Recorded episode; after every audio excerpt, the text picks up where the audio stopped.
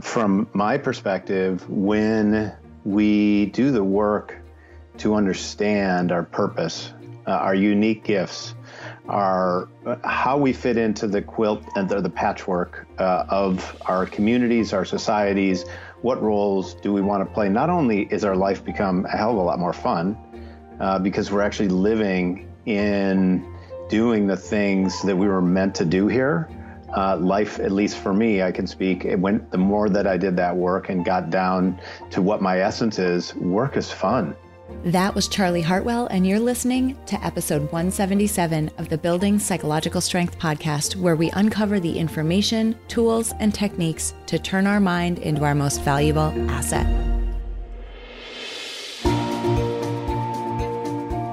The courage to face fears with persistence.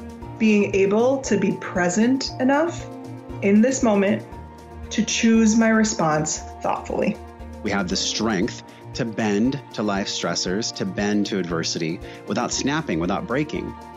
There are only six things that contribute to our quality of life, and they are all experiences. In every moment, we are deciding who we want to be and how we want to live our lives. Noticing what your brain is doing and then being able to make choices. Mobilize the things that we know lift us up. Hey, everybody, welcome back to the Building Psychological Strength podcast. My name is April, and I'm your host. Uh, hi, happy springtime. Holy cow. It has been an amazing, crazy upheaval the last couple of months. Um, I don't know about you, but as things are starting to shift and change around me, um, I'm really finding that I'm doing a lot of reflection right now about what life was like before we all started social distancing or quarantining, and what life is looking like coming up and ahead. If you missed it, I want to make sure that you know about an episode that I put together a few weeks ago because if you're feeling at all like I am, where, you know, as things shift and change, you want to make sure that you're shifting and changing in an intentional way. If that f- feels like you or sounds like you, I want to make sure you know about episode 174. This episode came out on May 20th. And specifically, this is a hands on episode that focused on using life design to think about what you want your life to look like post COVID and basically post quarantine or shelter in place or whatever your uh, state is calling it. Um, anytime things really shift around us, we have the opportunity to make decisions about whether we want to hold on to our old assumptions, our old habits, our old relationships, our old ways of doing things. And we can decide to enhance some of those things. We can decide to let some of those things go. And so the goal of that episode was to help you make those decisions from an intentional place using your own personal values as a guidepost for which decisions are right for you. It's a really powerful episode, which is why I'm plugging it again to make sure that you know about it. Definitely check it out if this is something that you feel like you would be interested in. Additionally, uh, I'm really excited about this week's episode. It's going to be an awesome one because we're diving into the think mental health, mindfulness, self help arena, but we're coming at it from a different perspective. This week, we are speaking with a man by the name of Charlie Hartwell. He is an investor of sorts. He invests in companies that are focused on things like mindfulness and mental health. And in fact, his organization was just named one of the organizations that has invested more in mental health startups than any venture capital firm on the planet. Even though he's not even a venture capital firm, he's put that much money into mental health and mindfulness related startups and applications. And these are not small companies. These are companies that you've heard of. These are companies like Happify. These are companies like Headspace. These are companies like Muse. We've spoken to two of the leaders of the company, Muse. I'll link up those two episodes down in the in the description if you want to make sure that you listen to those to see the types of companies that Charlie invests in. Now, this conversation is a really interesting one because not only do we get to talk to somebody about why so many of these companies are gaining so much market and why there's such a need for this type of service offering and these types of apps out there, um, making it a really great investment for him. So we're talking about that, but we're also talking about, you know, he's the type of person who practices what he preaches. He basically is a life design practitioner. And we talk a lot about that and about how he has aligned the work that he's doing to his strengths and to what he really values and the things that he's really good at. And so that's an awesome conversation and another plug for the importance of life design. And finally, in this episode, we spend some time talking about the broader vision that Charlie has for the world. This guy's not in it for a small win. He wants to raise the consciousness of the world, as in globally, through the work that he's doing directly and through the companies that he invests in. That is such a huge goal, but it's amazing to think about it from the perspective of something so lofty guiding somebody's work, especially when his work has touched the lives. I think he said something like 100 million people have downloaded the applications of the startups that he has invested in. I mean, that is a huge impact. So I'm excited today to talk to Charlie in it for a number of reasons because you're getting to see this industry from a different perspective. We don't usually get to see behind the curtain with, you know, the funding mechanisms and the uh, venture capital firms and, uh, you know, all of that's just side of business. We don't usually focus on that on the podcast. So that's interesting just in and of itself. But it's also really cool to hear from somebody who has applied all of this to his own life and somebody who's willing to share that with us in such a unique way. So I'm excited for you all to hear from Charlie Hartwell. This is such a great conversation, and I hope you take so much from it. Charlie, I'm so excited that you are on the show today because we're coming at some interesting topics from a different direction that I have ever covered on the show. So welcome and thanks for being here. Thank you, April. I'm I'm uh, I'm happy to be talking to you today. Thanks for thanks for having me on the show.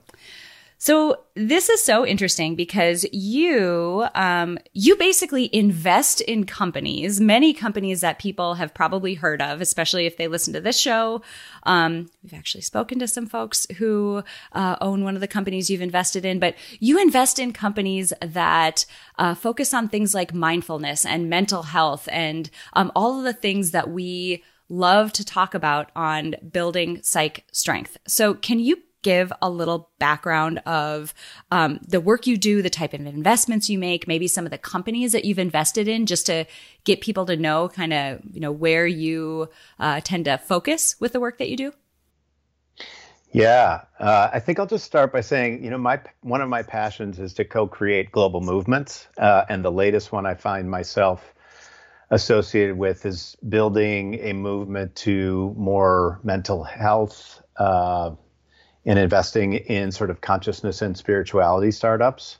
So um, we have um, a group of investors nine years ago uh, asked themselves the question Had the science of contemplative practice gotten to a point where there would be entrepreneurs to take that science, build applications that could be globally scalable to both invest in, uh, and to help create impact in the world. And um, and I got connected that through them because my wife got me involved in the Mind and Life Institute, uh, which had been uh, involved in the science uh, and uh, in the space.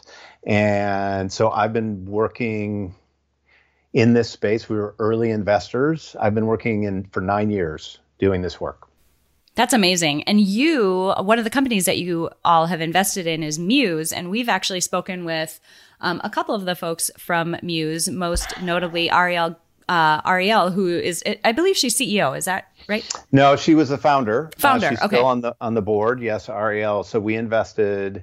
Uh, we invested in what's called a bridge round uh, before their Series A, uh, and have been probably, you know, I've been on the board uh, as an observer of that company for probably seven years. Mm, that's awesome.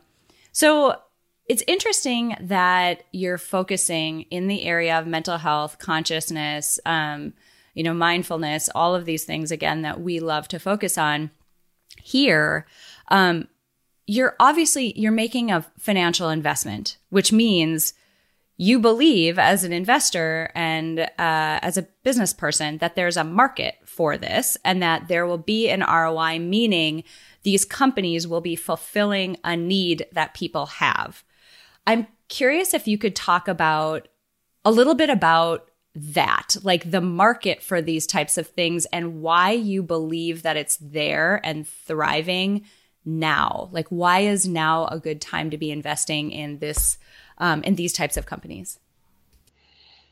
Well, actually, uh, you know, five to six years ago was a, was the time to invest in these companies.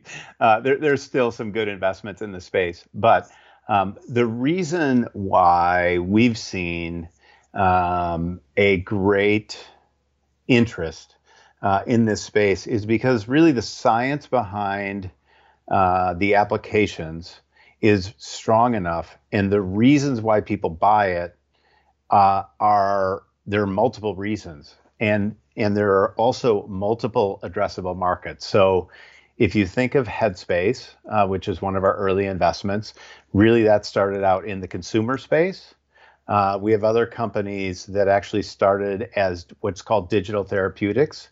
So take software and go through the FDA process uh, and get approved by the FDA and then come into the healthcare system as a prescribed drug, but it's software versus a, you know, versus a chemical drug.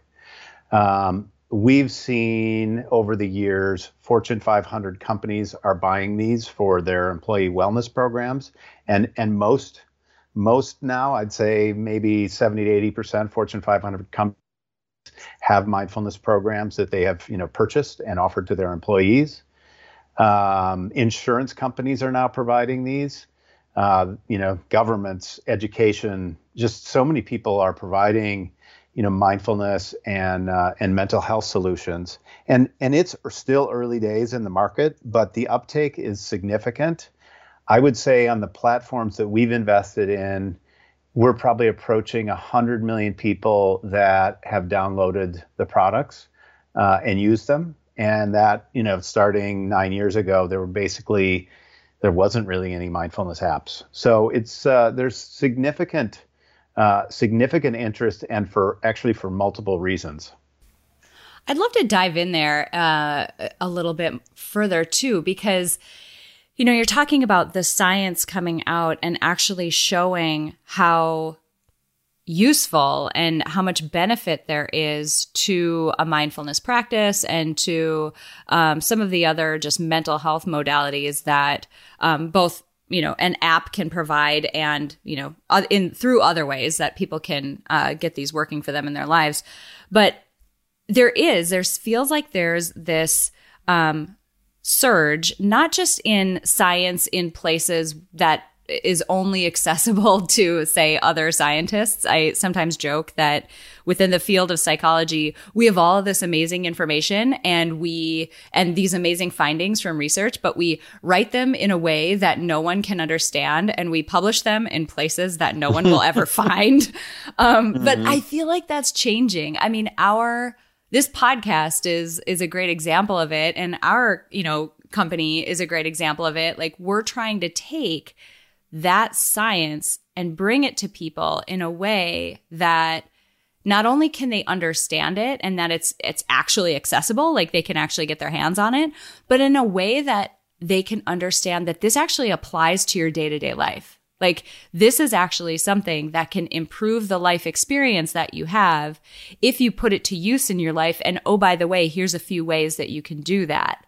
Um, so it is really cool that the science of uh, mindfulness and related things is becoming more uh, mainstream and just easier to get at. Have you noticed that? Yeah, and I think underlying what you just described is this whole notion that a team can come together. The team, and, and Happify is one of our companies. It's a really good example. So it's a team of scientists, so they are very serious about sciences. You know about science. They have a chief science officer, uh, very important component of their team. But then they have you know engineers who actually take the applications of science and put it into a platform in a way that it's uh, that people use it. Um, and they actually, in, in their case, they actually do it in a way that you use it like in a prescribed format. So they don't want you on Happify all the time. They want you using Happify 10 minutes a day, three or four times a week for eight weeks, um, you know, for, for specific conditions. So they're programming it to be fun, enjoyable, having communities of support behind it. But they're pairing with scientists, they're pairing with, you know, leading experts to make it digestible and to market it in, in such a way um, that, you know, people want to engage. Mm, I love that. It's interesting because um, not uh, not everyone, not every say governing body. Um, I'm thinking of one in particular right now, but are really in support of the shift that we're talking about. So there are certain organizations that we run into within the field of psychology who are very deeply connected to the traditional way of delivering therapy. You go to somebody's office once a week, you sit on a couch, you talk it out face to face. Um, some of the stuff that we're doing, it, I mean, it's really frowned upon by some of these organizations. But at the same time, you know, to your exact point, it's it's combining fields that have never been combined before, like thinking about psychology from the purpose of marketing a technique to people, like getting them to actually do this technique versus waiting until their life is in so much pain and struggle that they have no other choice but to come in. It's such a new approach that I just love that we're helping people before they get to that point that they're struggling so hard and we're doing it by making the experience something that's enjoyable, something that has less friction. I mean, it's the whole human centered design process to create experiences and products that people will actually use because it's fulfilling a need that they have in their day to day life before a crisis happens. I just think it's so awesome. I'm curious about your overall um, general goal. Like you mentioned earlier on that you like to create global movements. I know that you've got this, you know, goal of, um, you know, focusing on consciousness, helping people. I, I think in your words, the words you, you used before we hopped on to record were to go deeper. Can you talk about sort of that more umbrella goal that you have, like sort of the reason for being or the reason for investing in these companies? Well, my my personal goal uh, would be to help shift the consciousness of the planet. yeah, no big deal. Small little thing. um, but but but, but but actually, you know, let me let me talk a little bit about going deeper. Um, so so we've been investors in this space, and and as I as I understand it, somebody sent me a report a few weeks ago, they had surveyed 900 venture capital firms. We're, we're not a venture capital firm, but we act like it sometimes. And um, and we've made more investments in the mental health space than anyone else that they had surveyed. And um, but but two and a half years ago, um, my wife sat me down and said, "Charlie, you've been investing in the gateway drugs to higher levels of consciousness, and it's time to go deeper." And she said that um, because really, the, what we had ve- invested in was going to scale. Um, and but the the question, so we had you know we had provided funding and support to entrepreneurs who are helping people to maybe sit for 10 minutes a day, learn a new practice, begin to meditate, and to um, and to be you know to, to learn how to deal with the stress that they were facing or the you know a little bit of the anxiety to get them a little bit more aware of their, their thoughts and to help them to be more aware of their breath uh, and just try to live a little bit more in the present moment. But going deeper is actually, you know, our way of trying to encourage people and provide invitations to actually look at some of the things that causes them stress. So, what is the stories and the conditioning, um, you know, behind some of the stress?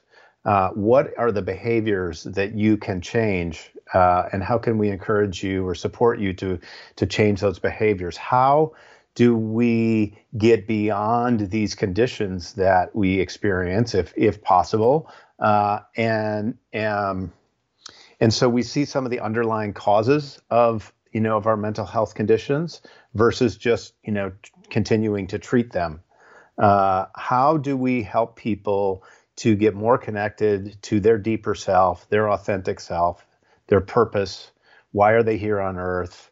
Uh, how do we you know, then help to find communities of support so that they uh, they feel connected to people that they resonate with and really can and can have deeper and more authentic relationships. So for us, going deeper is you know is sort of our next phase. Our next phase uh, of the Bridge Builders Collaborative is to find and invest and support in companies um, that are doing that. That's so amazing. It's amazing because so something that I've I've talked with my business partner quite a bit about and actually talked with my husband quite a bit about. He's an ER physician, my husband is.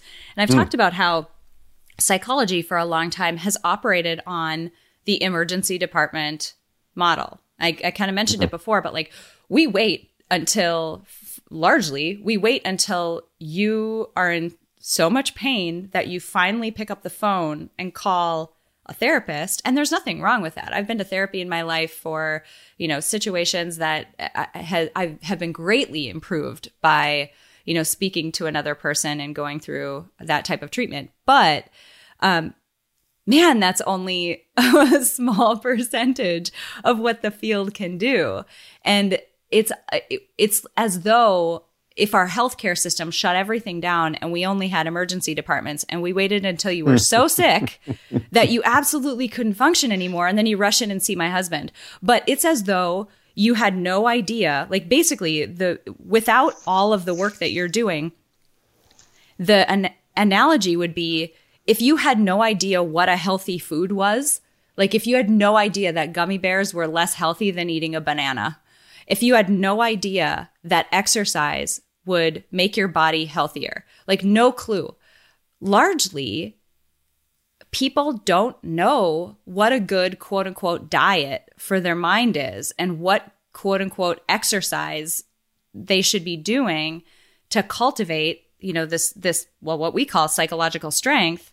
Um, because this is all the preventative and the sort of maintenance work that you can do to maybe not necessarily 100% keep yourself from ending up in a situation where you might have a diagnosis or need to see a therapist, but certainly reduce the likelihood or reduce the struggle if you do find yourself in that situation. So I think it's cool that you are in this in this same space where you know you're trying to help people who uh you know aren't necessarily in crisis yet. They just want to live a better life. So, April, you know, one of the statistics that I just found amazing that science seems to have, uh, you know, shown to be pretty evident, and I may be off by plus or minus, you know, five percentage points, but I'm but I'm not that far off. But 70% of doctors' visits uh, are caused. The underlying cause is stress. So, so if you look at the conditions that people end up with when they have repeated stress for multiple years, and they're anxious, um, you know they're feeling depressed and they're not getting support uh, and they're not you know they're that that just manifests over the time you know over a period of time. Uh, and so uh, if we can help to support people to be able to uh, better handle the underlying stresses of our crazy world, uh, then you know, then we think that people not only will be healthier and happier, but also, you know, we can help. Um, we can help it so you don't need to go to the ER doctor, so that you're, you know, seeing your physician, uh, you know, uh, for checkups more often than for, you know, for emergencies. Absolutely, it's it's interesting because in uh, in my former life, I was a data scientist in the healthcare industry. Specifically, a lot of that I worked for insurance companies. And one of the things that we would look at is research about what are called modifiable health factors. So the health factors that we have control over behaviorally that can that drive most of our healthcare cost. And it is, it's something like 70% of the cost in our healthcare system can be linked to 10 modifiable uh, behavioral factors. One of them is mental health. And it's incredible when you look at some of the work that I would do was to look at the difference in, say, an average cost for a patient who has name your chronic condition. It doesn't matter. All of them operate this way. Um, if the person either does or does not have a comorbid mental health diagnosis, and the cost is typically about double. Uh, for a person who has a mental health diagnosis as well. It's so important and interconnected that we take care of our mind and that we focus on it and give it as much attention and, um, you know, give it as much work as we do with our physical body because it's all interconnected. Um, and I don't think people realize the degree to which their physical health is impacted by that. And two, their financial situation is impacted by, you know, their mental health. Um, I'm also curious about something that you said earlier around um, sort of the almost the spiritual nature of this. Because I've been reading a number of authors lately who I mean, if you boil down their message, it's basically taking this approach to spirituality where it's almost psychology is at the center of it. It's uh it's spirituality from the sense of getting to know yourself and your place in the broader say globe, universe, nature, all of it, how you are situated within all of that and the role that our, and I'll say consciousness or awareness plays in either allowing us to see that place and how we fit in and how interconnected we are versus um, the role that it can sometimes play by masking how connected we are uh, with everything else around us nature everything else i'm curious if that at all aligns with some of you know some of your broader goals or the way that you think about going deeper or the way that you think about you mentioned like raising the consciousness of you know the world which is again your tiny goal mm-hmm. Well I, I just i resonate with a lot of what you what you just said and from my perspective when we do the work to understand our purpose uh, our unique gifts our how we fit into the quilt and the, the patchwork uh, of our communities, our societies. What roles do we want to play? Not only is our life become a hell of a lot more fun uh, because we're actually living in doing the things that we were meant to do here. Uh, life, at least for me, I can speak. It went the more that I did that work and got down to what my essence is. Work is fun.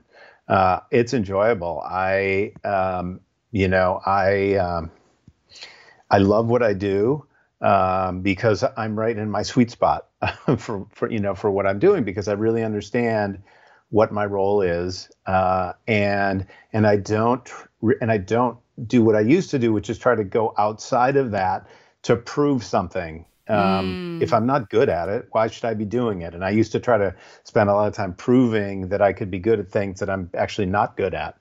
Um, so knowing my own strengths and my gifts and my purpose um, is you know it it just creates for me a healthier happier more abundant life that's amazing it's what you're hitting on is something that we talk a lot about within um, you know our programs and our content we like to combine the field of psychology with something that we call life design it's basically taking the human centered design process and applying it to people and their lives. And you're hitting right on that. This, the first step of that, well, it's like designing a product or designing one of the apps that you would invest in. You get to know the people who are going to use the app. What are their goals and what are their barriers and what problems are you solving for them? Both the the obvious ones and then the sort of secondary and tertiary ones that are a little bit deeper. You get to know them really well and then you design for them.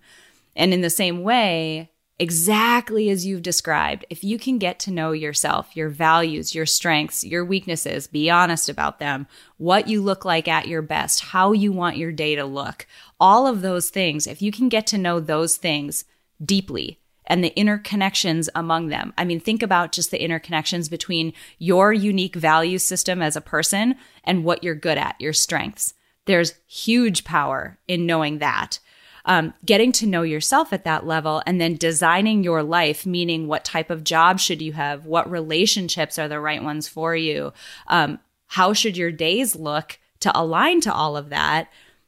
Things change rapidly and meaningfully for people when all of the sudden, as you said, you're working within alignment and that sweet spot that you uniquely belong in. It's just phenomenal the the feedback we get from people when they're finally sort of jiving with the person that they actually are. It's amazing.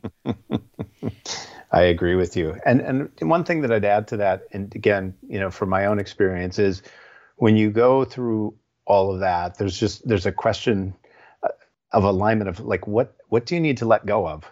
Uh, I was someone you know who had an incredible amount of relationships that I like held on to all my life, and I and I and I was conditioned to think that that is what we're supposed to do. If you if you begin to sort of say as you grow personally, what are the relationships that no longer suit you, mm. uh, and how do you you know gently just you know let that go because in order to fill new space because you've changed uh, you need to let go of things to be able to fill that space. And that, i think that's a you know that's a challenge for a lot of people is what what what is getting in the way of you going to where your sweet spot is? And and letting go of some of you know letting go of some of the old could be hard for people. Oh absolutely. I mean it gets into that this is the almost this is the devil I know, or this is my this is what is I don't want to say comfortable because in a lot of cases it doesn't feel good, but this is what's familiar to me. And we worry so much about what will it mean if we let that go? Will I be losing something? Will I not be able to get it back if I need it? But you don't realize it's I don't know whose quote that is. Uh, anytime you're saying yes to something, you're saying no to other things. Mm, um, yes, yep. And your exact point, you've got this you know, this finite vessel of time and energy that you can use and just cognitive ability that you can use in any given day. And you have to make room for it. And it can be so painful to do that. Um, I'm wondering if there, if you're willing to share, like, is there, you don't have to get incredibly personal with like naming the person or whatever, but, um, how did that work for you? Like, how did you, navigate that and make those changes in your life? Like, what were things that you had to let go of in order to really nestle into the place that you are now? It sounds like um, where you're squarely in that sweet spot for yourself. so, so you live in Minnesota, and I'm five generations of Minnesotans. uh, so, um, looking at some of the patterns within my own family system, uh, that had been ingrained for you know for generations, uh, and how I'd been conditioned to you know to act in, in, in my own family system. Uh, there was you know there was a lot of bullying. Uh, there was a lot of uh, you know pretense. There was a lot of sort of passive aggressive behavior. I had been sort of the you know the good little boy in the family, sort of holding it all together. Uh, I had to take a look at my role in that family system, and part of that was you know was my own enabling of that system through being a caretaker, uh, and and then look at uh, and look at those patterns, and then decide to change those patterns. And the reaction you know to the family system when you do that can be pretty you know, can be pretty severe. It can be, you know, it can be an adjustment. Uh, in my family system, it was a massive adjustment, and people were not happy with it. And um, and but you know, I was really clear that I was not going to play the role or, or interact with the behavior uh, anymore the way that I you know that I had for for many years. So you know, so letting go of of that um, was was challenging uh, and at the same time, it was incredibly freeing. I can imagine. Uh, and I, I think that highlights too, going back to something you said earlier around one of the goals of the companies that you invest in are to create this community of people who are doing this work or who are on this path because when you do I don't want to use like a really harsh word like sever, but like when you do distance a bit from people who might not be in that same place, you still need that connection and you still need a system around you, but you want it to be one that's supporting the direction you're going. And so being able to connect with other people through some of these apps and through the communities that they build, um, it just helps you. I, I think it helps you create that distance a little bit because it doesn't feel as scary. It doesn't feel like you're wandering out there, you know, exposed and by yourself. You're within a group and within a community of people who are doing the same work. And I think that's awesome. Yeah, and and you know, I will just say that you know there there are different areas that we're looking to invest in, in as we consider going deeper, and one of them is in the social wellness area. And I think you'll resonate with this given our conversation. The research indicates that you know that that social isolation uh, or loneliness is the equivalent of smoking a pack of cigarettes a day from a health perspective. Mm-hmm. So you know one of the things that that we're looking at investing in is how do we how do we help to create, uh, promote, provide invitations to authentic communities of support, as you're describing, that can either be online or online and offline. Uh, and then how, as well, do we have one um, one company called Fabriq F A B R I Q, which is which is in Denver, and they're really providing this tool um, to be able to make it make your relationships much more intentional. So you choose who you want to be in your inner circle and you can bring people in and out depending on what your intention is but then you send intentions about how often do i want to connect with that person um, and it for me it's been a fantastic tool of just saying i have this intentionality around this person. I've defined them as being really important and i no longer let that go for months at a time and sort of think, well, I just haven't talked to him lately. It's like it tells me, you know, if I want to speak to them every month, I can see when the time is to connect, eh, you know, again, because of my intention. And I feel closer to those people because I've actually, uh, you know, I've actually said you are important. And then I'm taking more action to support that, that connection.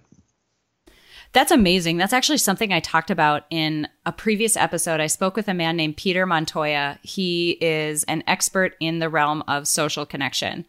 Um, he d- d- talks about a lot of research around how much how much direct social connection we need in a day versus the tiny amount that we actually get.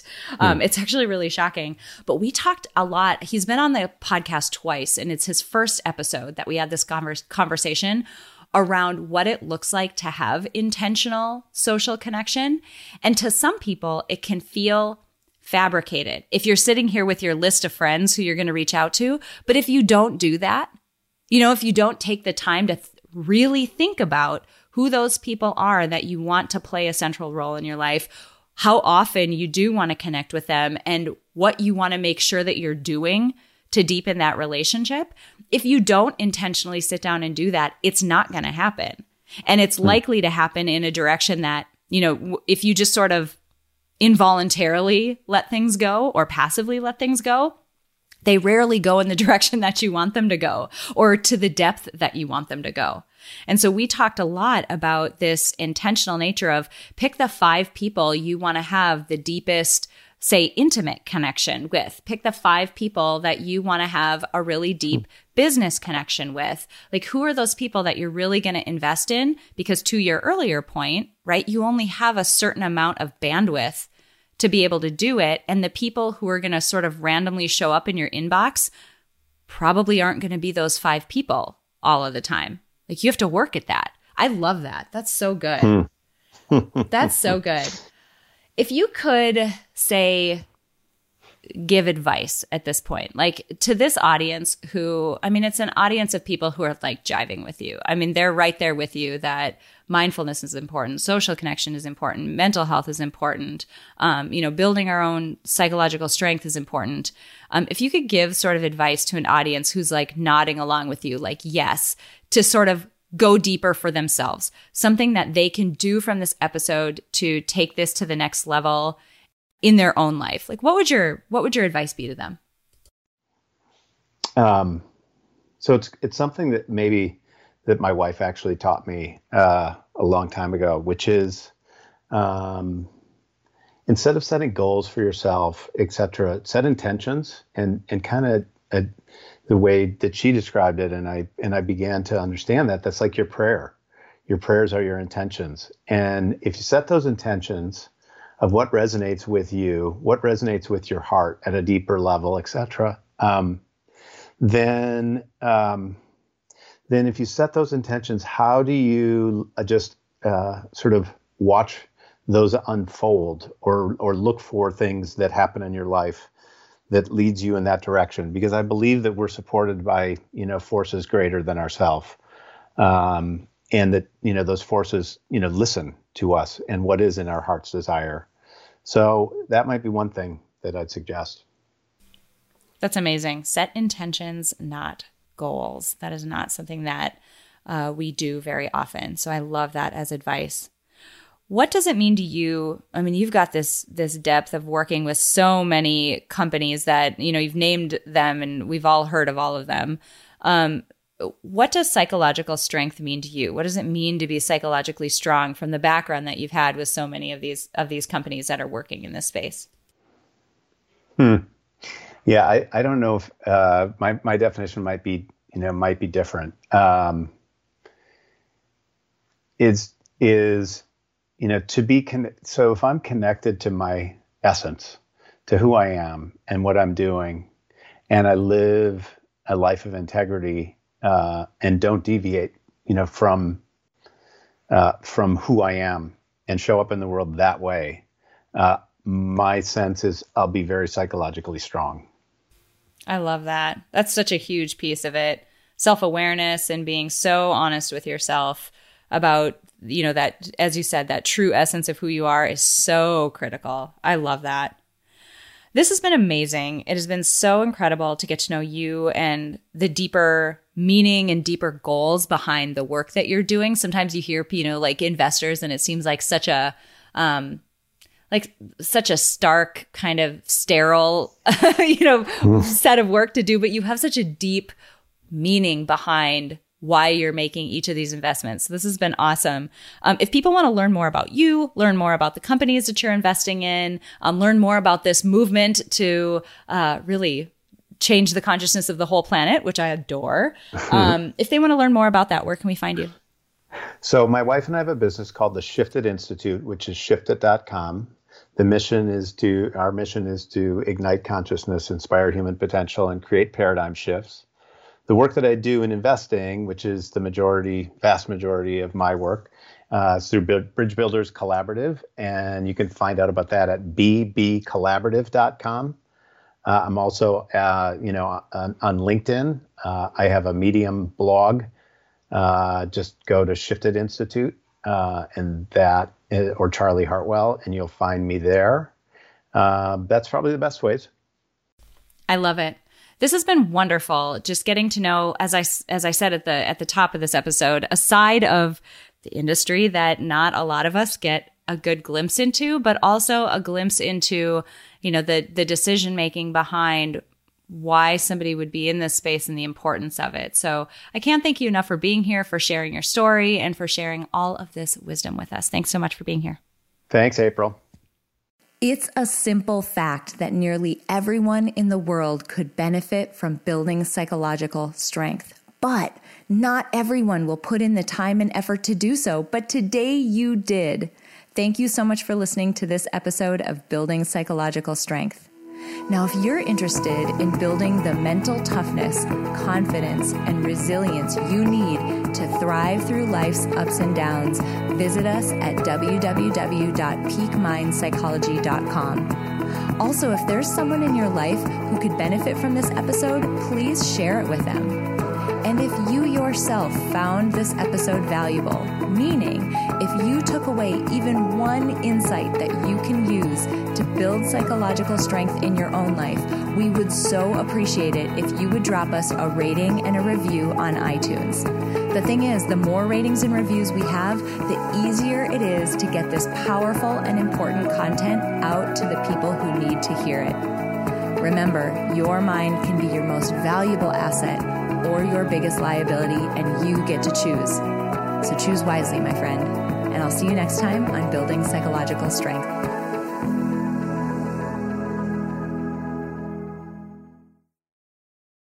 At Parker, our purpose is simple. We want to make the world a better place by working more efficiently, by using more sustainable practices, by developing better technologies. We keep moving forward. With each new idea, innovation, and partnership, we're one step closer to fulfilling our purpose every single day. To find out more, visit parker.com/purpose. Parker, engineering your success.